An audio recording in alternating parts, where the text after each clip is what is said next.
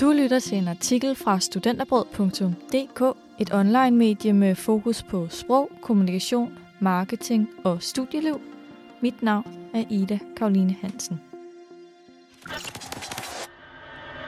Vær ikke bange for den store, stejle karrierestige. Bliver du også stresset ved tanken om den store, stejle karrierestige, så er du ikke alene. Studenterbrød har i denne artikel talt med Bitten Kjærgaard, der er karriererådgiver hos Kommunikation og Sprog, for at aflive rygterne om karrierestigen og i stedet blive klogere på, hvad karriere er for en størrelse, og hvad der egentlig skal til for at skabe et godt CV i løbet af studiet.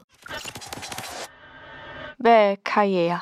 Først og fremmest bliver vi nødt til at se på, hvordan vi forstår ordet karriere. En af grundene til, at tanken om karriere kan give sved på overlæben, kan nemlig relateres til den måde, vi forstår begrebet karriere på. Jeg spurgte karriererådgiver Bitten Kjærgaard om, hvordan vi skal forstå karriere, og hun svarede, der er mange, der tænker karriere som noget, der skal gå opad eller fremad at man hele tiden får mere ansvar, eller man hele tiden stiger i graderne og til sidst bliver leder, eller at man specialiserer sig og bliver ekspert inden for et eller andet. Og de veje kan man godt gå. Men der er mange, der har en anden karrierevej, der hedder, at man prøver forskellige ting af, og som mere er drevet af en interesse, der opstår, og variationen. Så det ikke handler om at blive leder eller specialist, men mere sådan, nu har jeg været inden for det her område, og nu begynder jeg at få øjnene op for det her. Det er jo en lige så god måde at se karriere på. Pludselig er det som om, at vi kan sænke skuldrene lidt og erstatte stressen med nysgerrighed. For hvis vi ser på karriere som et udtryk for forskellige interesseområder gennem livet, bliver karriere pludselig et mere rummeligt udtryk for de interesseområder, vi udforsker gennem vores arbejdsliv. Hvad udgør god erfaring på dit CV? Uadskillig fra stressen over karriere følger tankerne om det gode CV. For hvad er et godt CV egentlig? For mig kan CV'et fremstå som en underlig og lidt udefinerbar størrelse. Og tankerne om at udforme et CV kan for mig føles som at skulle støbe en nøgle, uden at kende modellen på den dør, den skal bruges til. Jeg fortalte Bitten om min undren, og hun forklarede.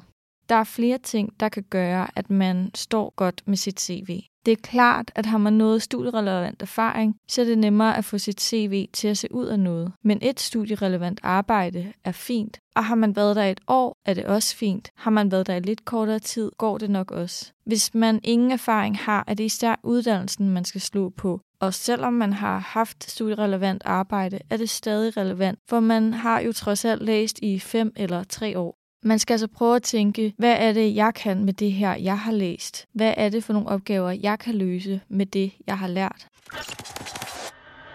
Bittens bedste råd. Til sidst spurgte jeg Bitten om, hvilke bekymringer hun oftest oplever i hendes arbejde som karriererådgiver. Og hun fremhævede for det første bekymringen om, om man skiller sig ud fra mængden. For det andet frygten om, at det første job, man får, ikke lige er det, man gerne vil, eller at det ikke lever op til ens forventninger.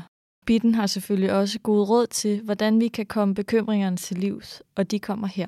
Hvordan skiller jeg mig ud fra mængden? Man behøver jo ikke være et særligt geni for at finde et job. Det er rigtigt nok, at hvis ens ansøgning ser ud som alle andres, så bliver det lidt sværere. Men det betyder ikke, at man behøver at være ekstraordinær. Det betyder bare, at man skal bruge noget tid på at tænke over, hvad der er særligt ved ens profil. Og der er altid noget. For en ting er, hvad du ved, du kan, fordi du har lært det på dit studie, men prøv i stedet at tænke over, hvad det er, du virkelig er god til, og find tre ting og byg din profil op om det. Så fremstår du autentisk. Og det kan jo være en blanding af faglige kompetencer og personlige. Hvis man er virkelig struktureret, kan det være, at man er god til at kigge på data, og så kan de to ting blive slået sammen. Alle kan skille sig ud, hvis man tør fremhæve de her ting, og det vil vi rigtig gerne hjælpe med. Hvad nu, hvis jeg ikke har fået det job, jeg ønsker, eller hvis jobbet ikke lige er det, jeg troede, det ville være? Det første job er aldrig det sidste, og det kan føles enormt vigtigt, at det første job bliver all that, altså i en eller anden toneangivende virksomhed, som alle kender, eller at man har en fed titel. Men det, der er mest afgørende, er at komme i gang, for man får altid noget med. Så jeg vil altid råde folk til at søge bredt inden for ens faglighed. For hvis man for eksempel arbejder i en lille virksomhed, der sælger værktøj og laver marketing for dem, og det var overhovedet ikke det, man havde tænkt, man ville, så lærer man stadig marketingdisciplinen, og man får stadig nogle erfaringer og resultater, som man kan tage med videre og overføre direkte i en anden virksomhed.